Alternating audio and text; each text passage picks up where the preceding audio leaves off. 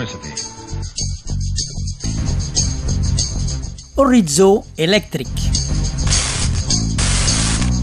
Patrick Renau, enginyer industrial expert en mobilitat elèctrica. Enric Balaguer.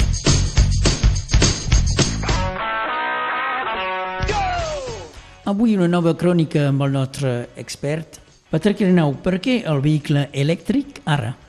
Mireu, eh, el que està passant és que la tecnologia avança i tenim eh, unes bateries que cada vegada acumulen més bé l'energia elèctrica i això és una gran oportunitat per deixar de banda el sistema de propulsió de motor de gasolina per motors elèctrics que són molt més eficients. Bé, també surt al mercat vehicles híbrids. Aquests, eh, aquesta és una de les solucions?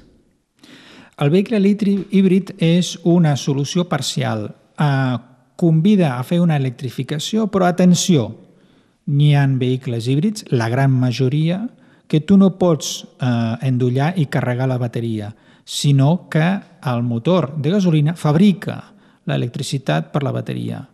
En aquest cas, no pots contribuir i no pots carregar elèctricament les bateries i això és un impediment per fer un canvi energètic de país. Quan eh, algú té un cotxe híbrid, es produeix aquesta electricitat, però és com si és un circuit tancat finalment i, i utilitzem l'energia fòssil.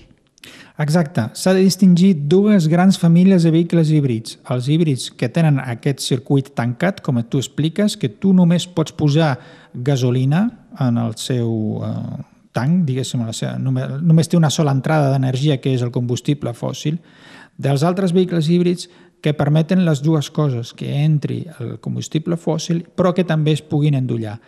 Aquests, els que són els híbrids endollables, n'existeixen menys, tot i que ara s'està fomentant més, existeixen menys en la, en actualment en la via pública.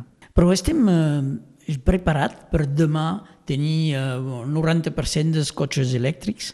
Sí, jo crec que sí, jo sóc optimista. La xarxa elèctrica ja existeix, Um, es tracta d'una xarxa intel·ligent en què els vehicles puguin carregar durant la nit, però també necessitem carregadors bidireccionals que permeten que a vegades les bateries dels cotxes contribueixen a la xarxa elèctrica. D'aquesta manera el que fem és eh, cobrir possibles mancances d'electricitat en, en determinats moments. I pot ser una resistència al vehicle tot elèctric, és el preu.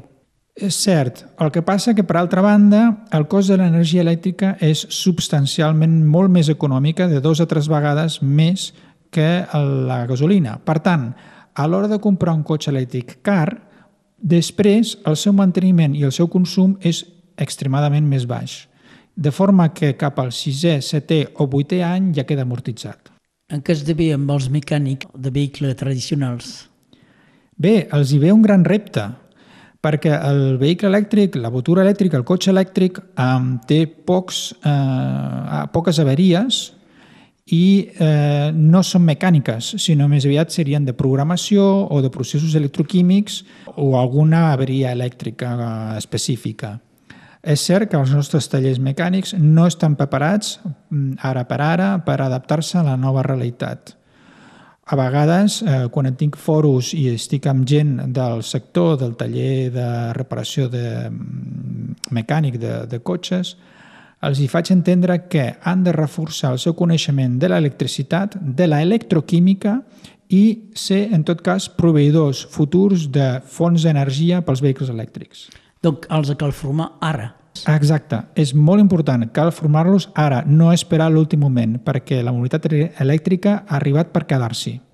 Patrick Renau, a la propera crònica eh, parlarem de com fem per proveir tot aquest, eh, tota aquesta energia. Moltes gràcies, Patrick. A vosaltres, gràcies.